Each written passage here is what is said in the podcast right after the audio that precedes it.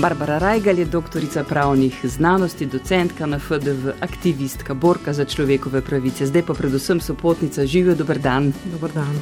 Eh, kaj so najpogostejši eh, razlogi za udeležbo na govorilnih urah vaših na fakulteti?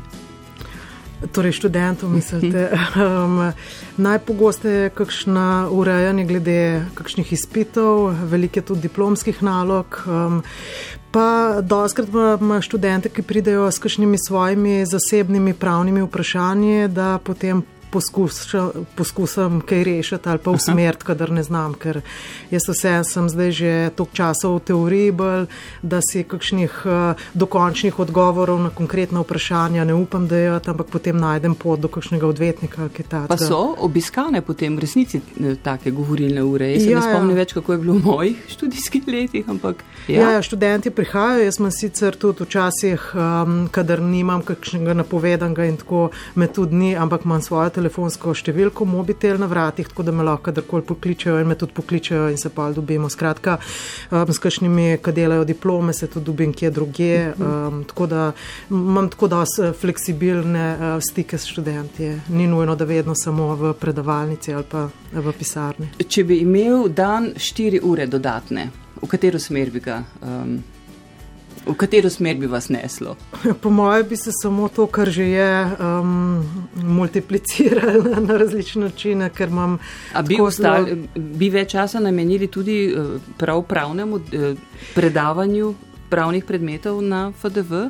Predavanja so v bistvu omejena, to bi pa verjetno več uh, raziskovala, ker je to je pa stvar, ki rabi veliko časa, pisanje in branje. In to pa je neka stvar, ker če delaš zelo veliko stvari naenkrat in zelo raznolike stvari, je v bistvu Enkrat mi je profesor Bohinc, ki je bil moj mentor, ko sem bila mlada raziskovalka, rekel, da do 30. in ko si mladi raziskovalec, moraš brati in pisati, ker pol nimaš več časa za to. Pa se mi je čuden zdel, se, ampak v resnici je res, da težko, ko se upneš v razne ali aktivistične ali neke uh, druge zgodbe, da je ta mir, ki ga rabaš za raziskovanje, za branje, uh, ti malo ide. No. Bi vam prav prišlo, kakšno eno leto nekje na samem?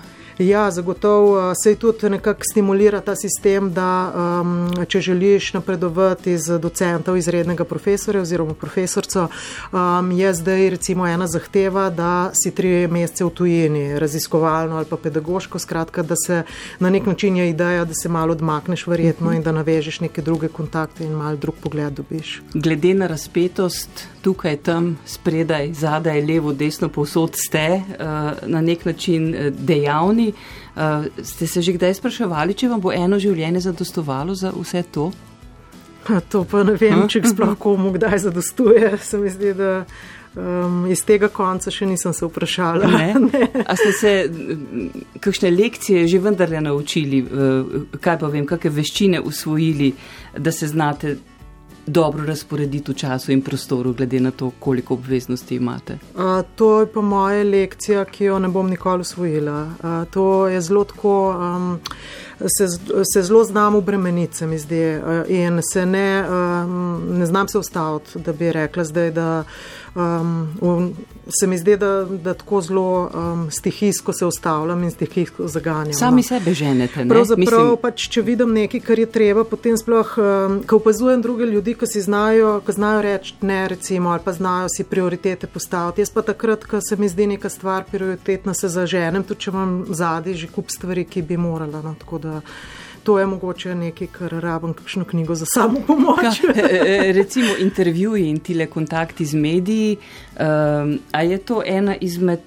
um, stvari, ki sodijo, kaj pa vem, v prosti čas, ali bolj ne bodi ga treba, ali bi najraje rekli ne, če bi, če bi zmogli? Veste kaj, se jaz nimam vseeno tega tolk. Um, mislim, tako da to ni najbolj obremenjujoče. Tisti dan, ko je recimo, um, je neka, ko bi rekla, napetost ali pa neka trema tudi, ne, se je nikoli, tudi če je stotič v resnici prvič, ne, ampak uh, tisti dan je mal poškodovan zaradi tega, ampak da bi pa rekla, da pa to zelo uvira moje siceršne obveznosti ali pa delo, pa niti ne. Jaz predvsem lahko to rečem, da v bistvu ne delam določenih stvari, ko sem jih včasih nekih delih. Recimo, za me televizor ne obstaja, ne. ga sicer imamo doma, ampak ga ne. To, to, to ni škatlica, ki se jo jaz dotaknem. Mislim, da eh, od teh nekih o, takih odklopov, brez vsega, tega imam jaz zelo malo. Kadar je od, mislim, odklop, je mogoče rada hodim ali pa včasih grem teč, eh, pa, pa no, berem. Skrbi vas pa to ne? ne? Seveda me skrbi. Ja, aha, seveda me to, to tako lepo ja. našteli kot dejstvo. Ne, ja, ja, seveda me skrbi. to je še ena dodatna potem obveznost, s katero se moram ukvarjati, s to skrbijo, da sem prez, prezasedena in prez prezaskrbljeni.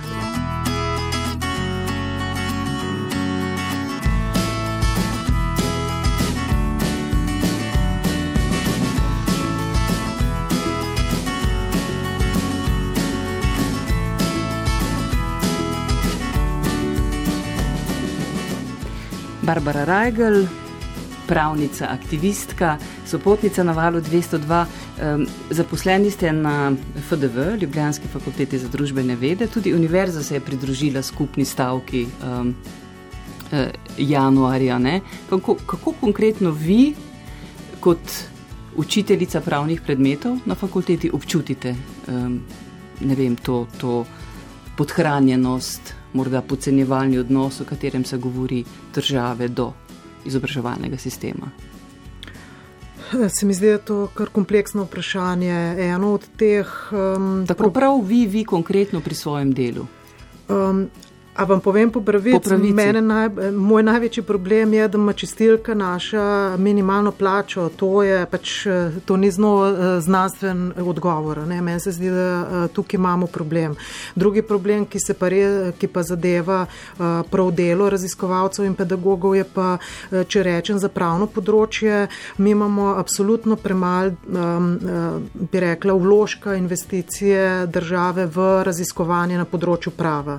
Mi nimamo imamo neresnih inštitutov pravnih, nekaj je na pravni fakulteti, inštitut za kriminologijo, pa primerjalne analize, ampak da bi pa bilo eh, neko resno pravno raziskovanje pri nas možno, je pa v bistvu to zelo omejeno. Tako da eh, verjamem, da ima naravoslovje pa tehnika še večje težave, ampak mhm. tudi družboslovje, eh, natančneje pravo je tukaj zelo potem odvisno seveda od nekih naročil iz podjetij, komercializacijo in tako naprej, ampak da bi pa imeli imeli neodvisne raziskave na področju prava, mm. se mi pa zdi, da to zelo manjka in se to, to potem preslika seveda tudi v zakonodajo, ker ta nima um, nekih podpor v v teoriji, v, v znanosti, v primerjalnem mm -hmm. pravu in zato se tudi uh, stvari uh, zelo hitro spreminjajo, se ugotavlja šele potem z uporabo nekih zakonov, da niso dobro pripravljeni.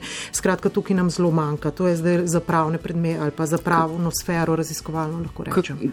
Kako že ne? nevednost je za družbo draže od vsakršnega izobraževanja? Ne? Najbrž res. Ja. Uh, ali pa pač manj izobražen, lažje ga gneteš. Zdaj jaz ne verjamem v teorijo zarod. Um, pač se mi zdi, da je izobraževalni sistem kljub vsemu pri nas um, dober, lahko bi bil pa vsaj na visokošolski ravni. To najbolj nekje mora poznati. Ne? Ja, Govorimo to... o kompletnem izobraževanju. Zagotov, ja. Um, nas je Slovence ta nek ustajniški duh pred leti. Uh, se vam zdi oplemenitil? Je to zdaj, je to? Zdaj to? Uh, se nas je ta uh, duh upora, bi rekla, nam je že zalezel upore? Um, nisem čest prepričana. Mislim, da je ta duh uh, pač uh, prišel v enem valu in da je s tem valom tudi nekako plahno. Nimam občutka, da se je. Um, neka, da se je nek upor za korenino. Um, pač zdi se mi, da s tem nekim odmikanjem krize je tudi ta občutek, da bi se bilo treba za karkoli postaviti uh, nekako. Um, odmaknil se. Um, zdaj, to, kar je z, z strani sindikatov organizirano, zagotovo je to ena uh, pomembna stvar. Um, sicer pa nimam občutka, da ljudje so pripravljeni spet jeti za neki na cesto. Vse en jih vsi prepričujejo. Veste, v času, ko je konc krize, ko gre vsem dobro, v bistvu tistim, ki ne gre dobro, se še bolj verjetno zdi, da so sami krivi in zato se ne, um, uh, niti ne, ne postavljajo svojih zahtev kot skupnih zahtev, zato ker je v bistvu individualizirana krivda za to, če nam ne gre dobro. Da... Se spomnim, oprostite, Renata Saleclova. Uh, pravi, da smo se krize zavedli zelo pozno, takrat uh -huh. 2008, da smo jo zanikali in da zato tako dolgo nismo ustali. Neko da bi eh, zanikali, je to lahko tudi naša slovenska lasnost, zdaj posploševanje je težko, pa vendarle ne. To zanikanje, po mojem, po mojem spremljanju, prišlo tudi um, zaradi političnega zanikanja. Mi dolg časa smo, um, mislim, pač politika takratna vlada, tudi Pahorjeva je dolg časa zanikala, da, imamo, da smo v krizi. Zato so bile mogoče njene posledice naknadno še toliko bolj uh, ostre. Tako da um, tudi to je morda povezano. Kaj pa druga orodja? Um, menite, da jih bo naša družba znala uh, uporabljati? Orodja za. Za upor, za povedati, ker protestno vse zadnje ni edina oblika izražanja nezadovoljstva. Ne?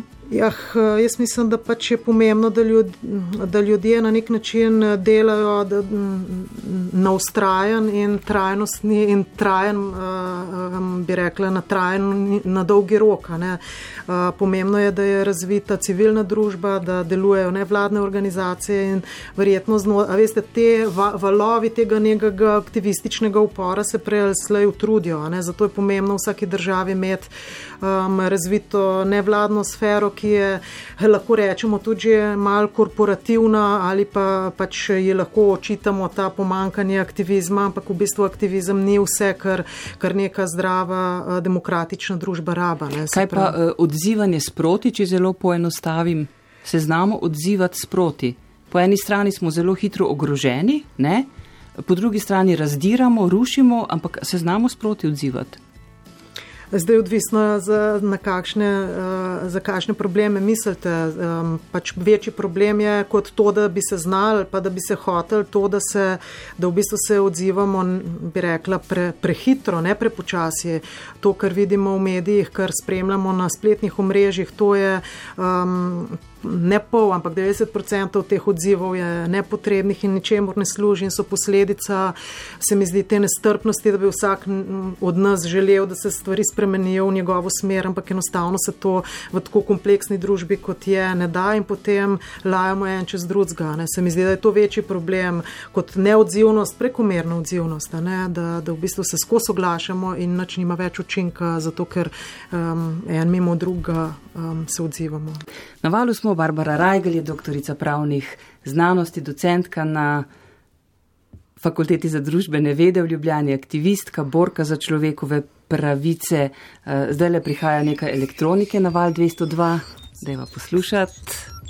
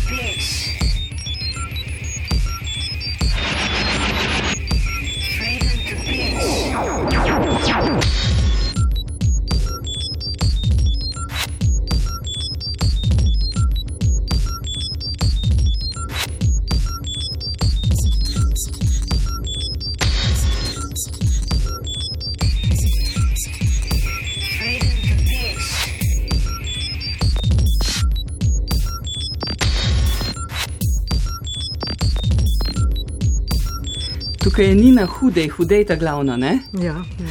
Um, to je duo, pomagajte mi. Warwick Wales. Naslov skladbe Botox. Ja, to je um, duo slovenskih dveh producentk, v bistvu mojih uh, prijateljic Nine in Nine. Ampak ste vi elektronsko naravnani, tako čisto pri sebi? Pri sebi? Uh, naravnali ste me. Tako da jaz eh, nisem zelo dobro glasbeno izobražen, ampak v zadnjih letih, ko toliko veliko sodelujem eh, z njima in z, z, posebej z njeno hudej na različnih področjih, sem se malo nauzela. Ja. V kafe Open in zdaj tudi v tem novem lokalu pri Tliču, katerega ja, so ja. ustanoviteljici ste, sta, ja, ja. Eh, je predvsem to vrstna glasba? Ja, izključno samo zato, izključno. ker je Nina v bistvu um, nekako ona postavlja te uh mhm. -huh. glasbene stvari, uh, koncept tudi in tudi izbiro od, ker je izbrana glasba vnaprej, tudi eh, ni na radiju, ampak je vse izbrana, tudi to, kar slišite, ko pridete, pa koncerti in tako naprej. To, to se jaz ne spoznam. Ker je lokal. Um, kako bi rekla, naklonjen vsem strpnim. Ne, ja. uh, moraš biti precej strpen tudi do te glasbe. Mislim, Ljudje pridejo samo zaradi te to vrstne glasbe? Tudi? Ne bi rekla, ker ne. je glasba tako um, nemoteč v ozadju, da uh, tisti, ki poznajo oziroma ki um, so navdušenci na elektronsko glasbo, zagotovo to prepoznavajo kot nek koncept, kdor pa uh, ne pozna tega, pa to ni moteče. Uh mhm. -huh. Moja vloga je pa samo, da dajem bolj potih, kadar je pre na glas. Bomo mi zdaj spet malo bolj na glas, prav?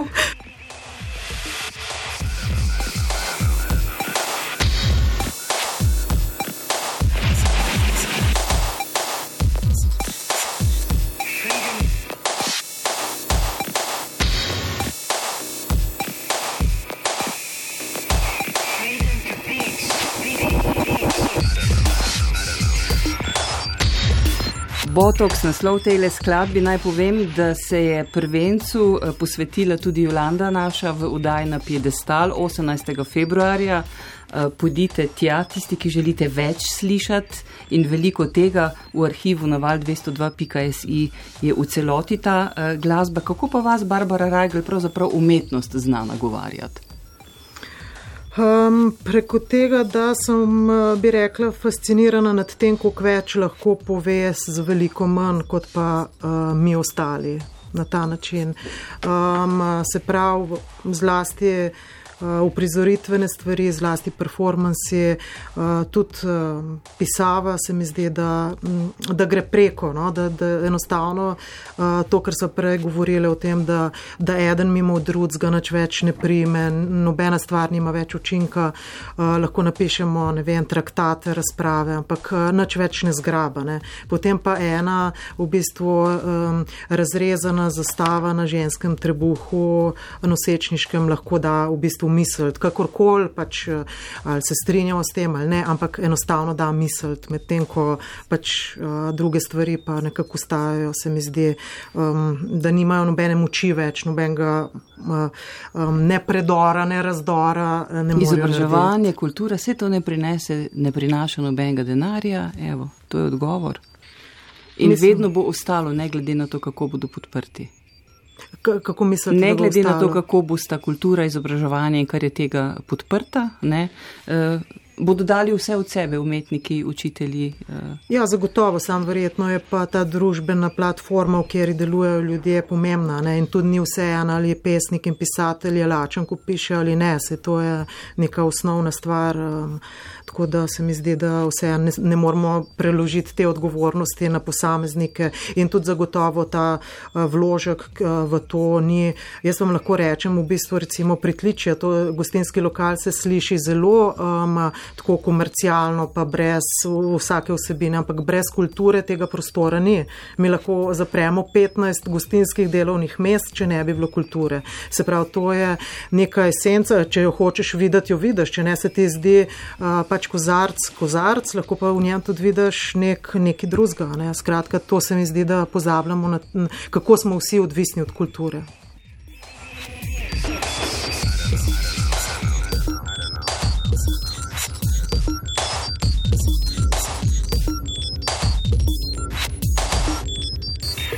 Še vedno botoks, elektronska glasba. Zdaj mi pa povejte, je to glasba, ki lahko vpliva na počas, počasnejše staranje?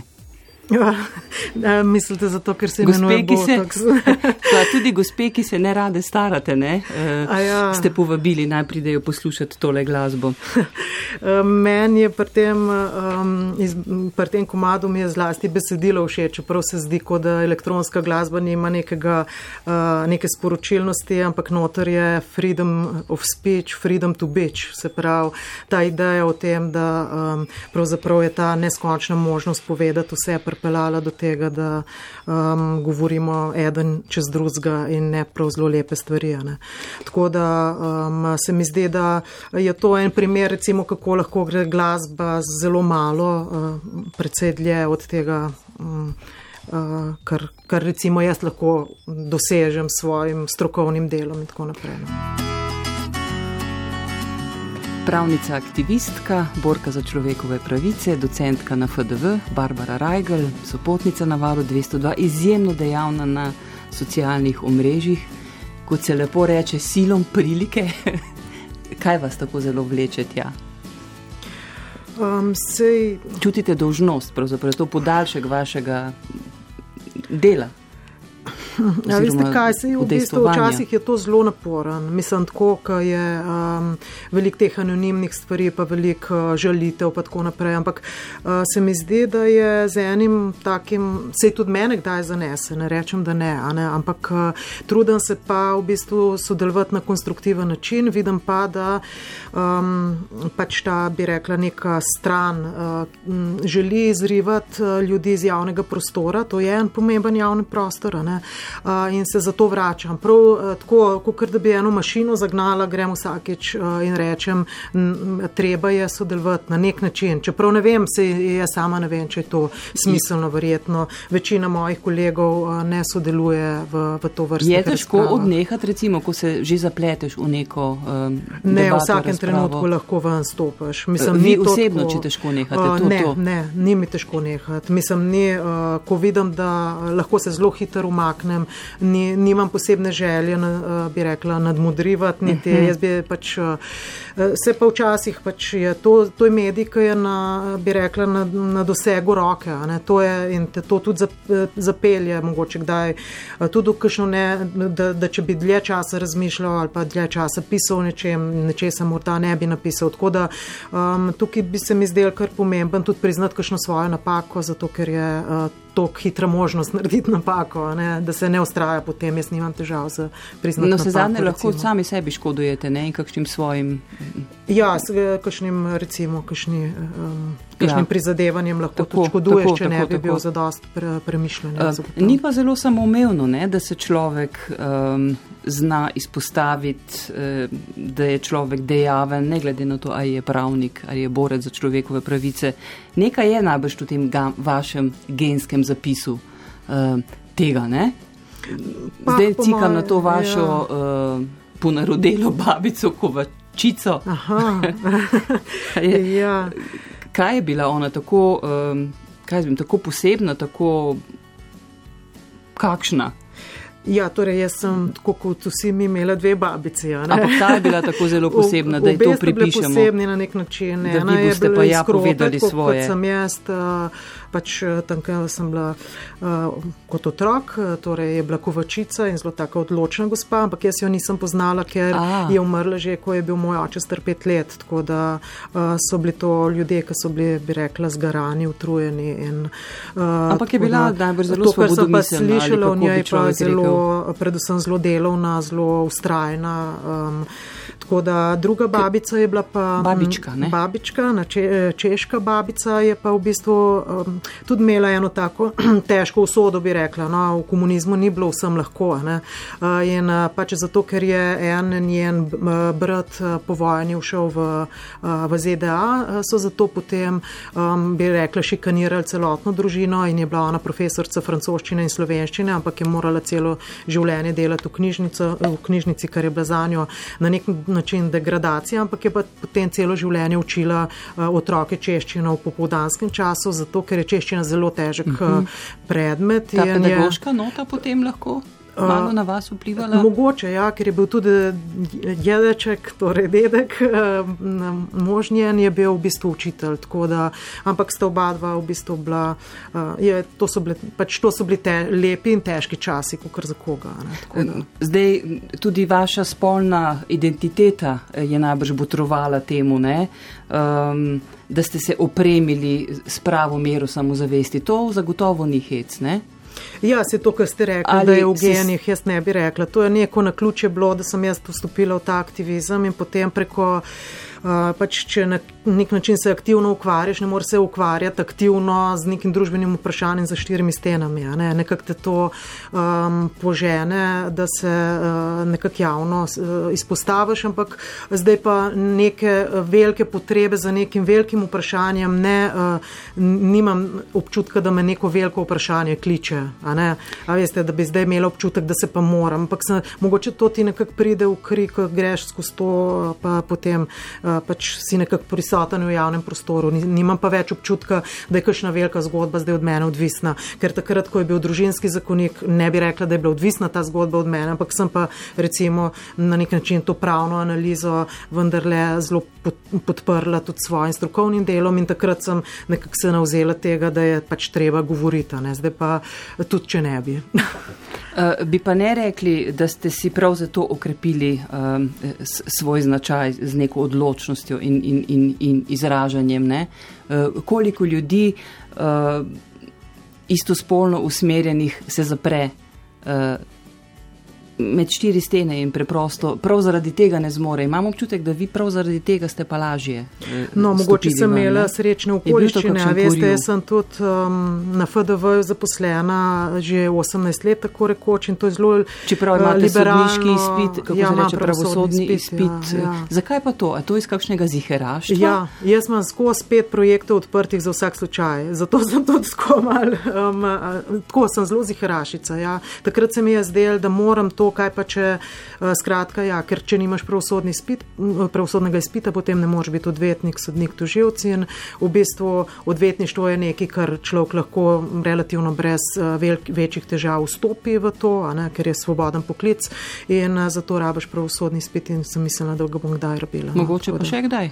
Morda, ampak ja seveda. Vse neke vrste odvetnica ste že, ne, pro bono na, na nek način? Pa za kakšne stvari, ki se malo eh, poglobimo, drugačno upam jaz eh, za zastopati ljudi, ker jaz eh, sem zelo padla ven iz teh postopkovnih stvari. Veste, morate dobro obvladati postopke, jaz pa bolj vsebinske stvari poznam in ne bi si upala zdaj kar čez noč zastopati ljudi na sodišču, recimo. Ne.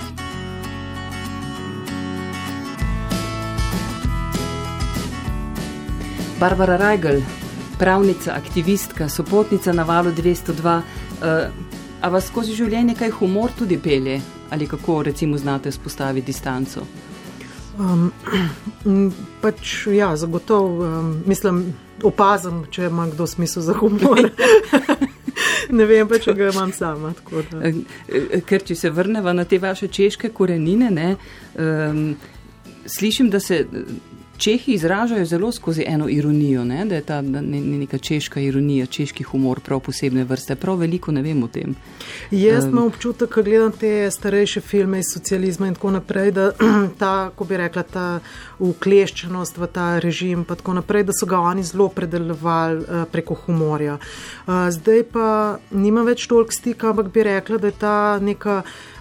Globalna neobčutljivost za humor, tudi če, češ, ali pa ta vulgarnost, da je preplavila tudi to češko melankolijo, pa uh -huh. um, to senzibilnost. Recimo, jaz sem zmer opažala, ko sem bila majhna, da um, kakšne besede za izražanje negativnega imamo pri nas, kakšne pa, kakšne pa oni. Oni sploh v bistvu niso imeli nekih zelo grdih besed in tako naprej. Mogoče ja. samo zvenijo lepše, ker ne, je ne, ne, jezik. Ne, absolutno, tudi sam jezik ne ni, ampak zdaj pa ne ve, niti ne spremlja več toliko tudi jezika, kar berem, včasih kakšne časopise, ampak da bi nimam toliko stika, da bi lahko rekla, kam je šel tudi razvoj recimo jezika. Pa, v, pa. v čem uh, se vam zdi, da so Čehi? Um, tam ste počitnice preživljali in tako mm -hmm. naprej. Ne? Torej, menim, da vendarle poznate na nek način Češko, bolj kot kaj pa vem, katero drugo državo. Uh, v čem so Čehi bolj svobodni kot Slovenci? Ali pa so bili še za časa tiste železne uh, zavese, ko smo mi bili frajeri, bolj kot ne? ne? Hm. Um, to neko svobodo. Pa ne, jaz takrat nisem čutila ne? svobode. Jaz sem čutila takrat recimo hrepenenje v ljudeh, uh, to, da si želijo um, te, tega nekako razumeti razprtja tega uh, režima. No, to sem čutila. Uh, to, um, vse je meni ta občutek eh, češke, se je včasih tako sem spremljala mamo, ko smo šli, pa se mi je zdelo, da, da je ona vedno imela, um, da je češko videla vedno iz leta 74. Kadar kjerkoli leto je bilo, je bilo za njo 74. Tako se meni zdi, da v bistvu vidim češko, ne vem, v letu 88, recimo, ko sem bila stara 13 let. Kaj pa danes prav, je, oprostite. Ja. Ja, Ja. Zdi se mi, da je tudi zelo, veste, McDonald's, pa, pa, pa turizem, pa tako naprej. Skratka, pa te vulgarni babiši, zmagovalci volitev, pa tako naprej. Pač ni več tega. Uh, jaz sem enkrat, ne, osem let nazaj, napisala eno kolumno, um, mislim, da je bil naslov češko je biti slovenc ali nekaj tacga. Skratka, sem bila zelo fascinirana še vedno nad češko, nad to njihovo kulturo, nad smislom za humor, nad, um, nad sposobnostjo um, tako na tak blag način predelovati konflikte. Zdaj se mi pa zdi, da je, da je ta.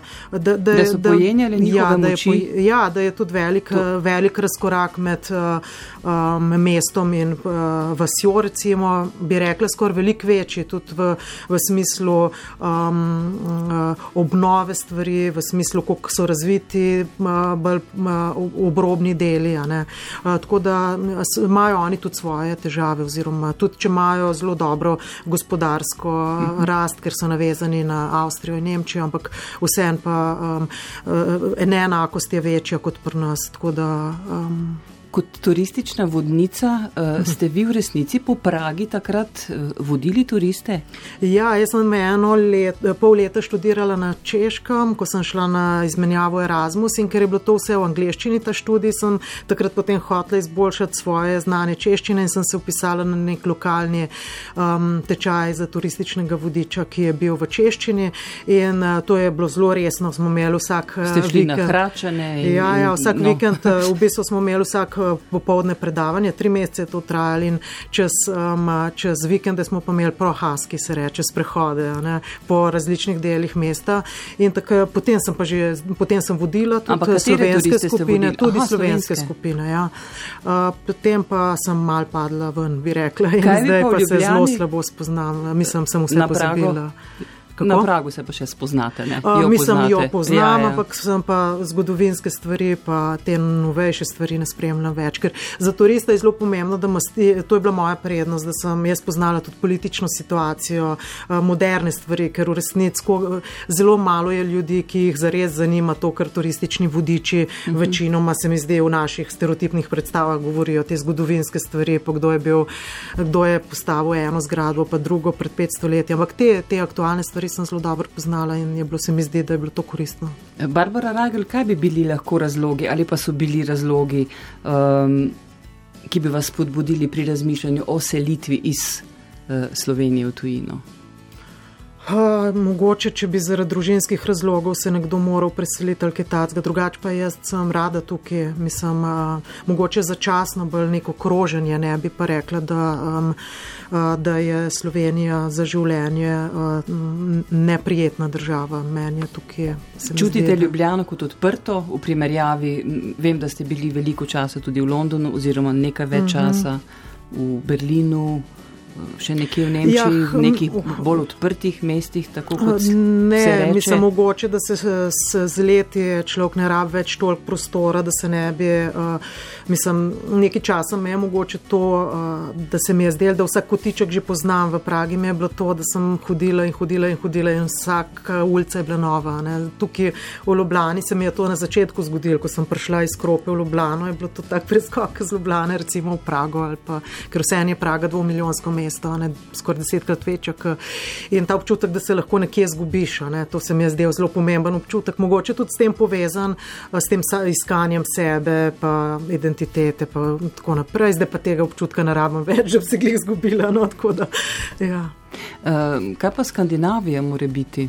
Ali je jug tisti, ki bi vas znal bolj nagovoriti? Skandinavijo imamo pač iz določenih razlogov vsi tako zelo, ne vem, če prav radi, ampak strašno radi se primerjamo. Uh, vse štima pri njih, sociala, pravo, vse jim štima. Ne? Ja, verjetno imamo tudi to neko predstavo, da je tam uh, urejeno, bolj liberalno in tako naprej, ampak najbrž uh, pač uh, jaz sem bila dve let nazaj na Norveškem, recimo drugih skandinavskih držav ne poznam in smo se veliko uh, dobivali z ljudmi, ki so iz drugih držav in recimo biti migrant na Norveškem je uh, težka situacija, ker v resnici nikoli ne postaneš pravi norvežan, karkoli narediš. Tako da te države so naj najbrž to je zdaj samo ena moja zgodba, ne morem posplošiti, ampak uh, nimam nobene posebne potrebe uh, iti nekam drugam, posebej pa ne nekam, kjer je mrzlo, tako da imam rajš uh, toplo kot mrzlo. Prihaja pomlad, pravijo, ampak najprej še polarni mraz, kako ga kaj prenašate? Bo, um, mislim, slabo, ne? V bistvu sem večino časa velik delam, pa sem večino pa doma oziroma z računalnikom, tako da me najbrž ne bo dosegel.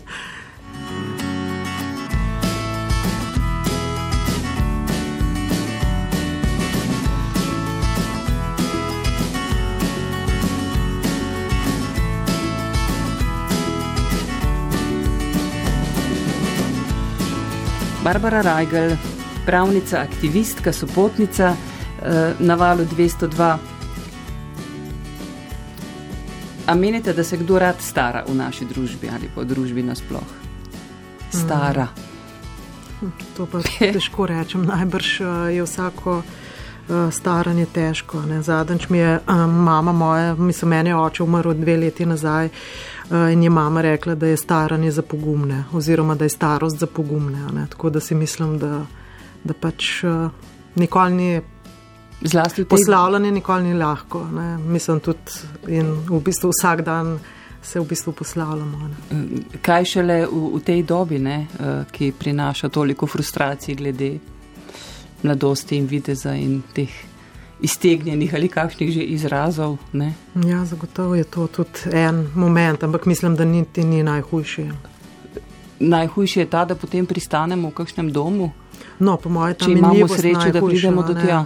Ja, verjetno to, da ostaneš sam in da pač. Um, da ta minljivost, pa ta neaktivnost, pač to je tudi na starost. Eh, jaz spremljam eh, malo, kako kaj se v bistvu z ljudmi zgodi. Ne? To so zelo ljudje pri 70-ih, 75-ih, to so izjemno aktivni ljudje, izjemno vitalni, izjemno veliko imajo stvari zadati, ampak mi v bistvu. Eh, skrbimo za njih, kot da so ljudje, ki ne morejo nič več. In v bistvu jaz vidim pri moji mami, čakajo v domu, kdaj bo zajtrk in čakajo potem na kosilo in čakajo na večerjo in na konc dneva in drug dan spet na novo. Ne? Zato, ker v bistvu niso in ni zadost, pač, da, da ljudje telovadijo malo in tako naprej. Ampak mora biti eh, človek, ima eno po moje primarno potrebo, da je koristen drugemu. Ne? In ko se zdi se, da po 70-em nihče več ni nikomor ni koristen, kar je pa po moje absolutno narobe. Eh, s tem, da mislim, da lahko kmalo rečemo, da bodo postali stari, zlasti tisti, ki so, na, ki so tudi finančno na robu preživetja, mm. zlasti stare uh, ženske, ki so ostale mm. same, ne? neka deprivilegirana uh, uh, skupina. Ne? Ja, zagotovo. Kako pa naj se ti ljudje recimo povežejo? Ker treba se je povezati, ja. uh, iti s svojimi zahtevami, se oglasiti in potem se lahko stvari premaknejo. Ja, zagotovo se premaknejo hitreje, če se ljudje povežejo, ampak eh, moramo pa tudi vedeti, da ene skupine se lažje povežejo, ene pa težje. Ne? Tako da za, za, od starostnikov je težko pričakovati, da bi se uh, posebej od revnih starih, da bi se povezala. Ne? Tako da tukaj je pa mora biti zahteva oziroma neko veliko pričakovanje od države, da se s tem res sistematično ukvarja. Uh, Zadnjič sem brala, da so v Veliki Britaniji ustanovili ministrstvo za osamljenost. Skratka, to so, to so stvari, ki se mogoče nam zdaj v tej hitri, tehnični, tehnološko napredni dobi zdi, ampak v resnici je pa tiste take bazične stvari v bistvu tudi lahko država. Uh -huh. um, to se ga ne razvije, se odnos med ljudmi v nekih situacijah kar sam. Lahko se razvije, lahko pa to tudi država pospodbuja in pomaga. Ne. Te neke alternativne oblike, kot je medgeneracijski domovi, da, da imate možnost, da, da je študentski dom za starejše skupaj, ne zakaj ne, ker vendarle eden drugemu lahko veliko dajo. Samski, oblike, no. samski ljudje ne, so zdaj najbolj že bolj marginalizirani, če grobo rečem, ali pa niti ne, ne kot LGBT skupnost. Kakšen je zdaj ta lestvica teh? Marginalnih skupin. Težko rečem, odvisno v kateri situaciji. Zagotovo recimo, um, je samskost neka stvar, ki se eni spregledana. Spregledana, no, tako rekoč. In tudi, če pogledam iz, prav, iz pravnega vidika, samskim ljudem so določene pravice odrečene, zato ker mi v bistvu, recimo, socialni sistem bazira na nekem gospodinstvu oziroma na neki, bi rekla, družinskosti. Samska oseba, recimo, če je brezposelna, ne more biti zavarovana po partnerju, ker ga nima. Če pa imate partnerja, ste pa avtomatsko po njem zdravstveno zavarovani. Recimo. Torej, a je to neka primerna logika za danes, da človek, ki je sam, ima manjšo socialno varnost ne? ali pa vdovski dodatek, če nimaš nikogar, ki bi z njim živel, pač enostavno tega nimaš. Skratka, tukaj so neke skupine, ki se pa morajo med sabo prepoznati, bi rekla, in nasloviti na, na državo čikam, ja, neko, ja, ne. neko zahtevo svojo. LGBT bo zdaj mainstream, potem pa pridejo na vrsto drugi. Ja. In nikoli konca in zgodovina se ponavlja. Seveda nekaj. Vidite tako to? Ja, da, da se v bistvu vedno znova uh, razprejo neke pore, v katerih so ljudje, uh, pač bi rekla, diskriminirani ali pa imajo uh, neke neugodnosti in pač je treba biti pozoren tudi kot država na zahteve in potrebe ljudi, ki so vedno nove. To ni enkrat za zmeri in je treba na to reagirati. Kaj naj rečem? Ustrajno naprej. Barbara Ragel, lepa hvala. Hvala vam za povabilo.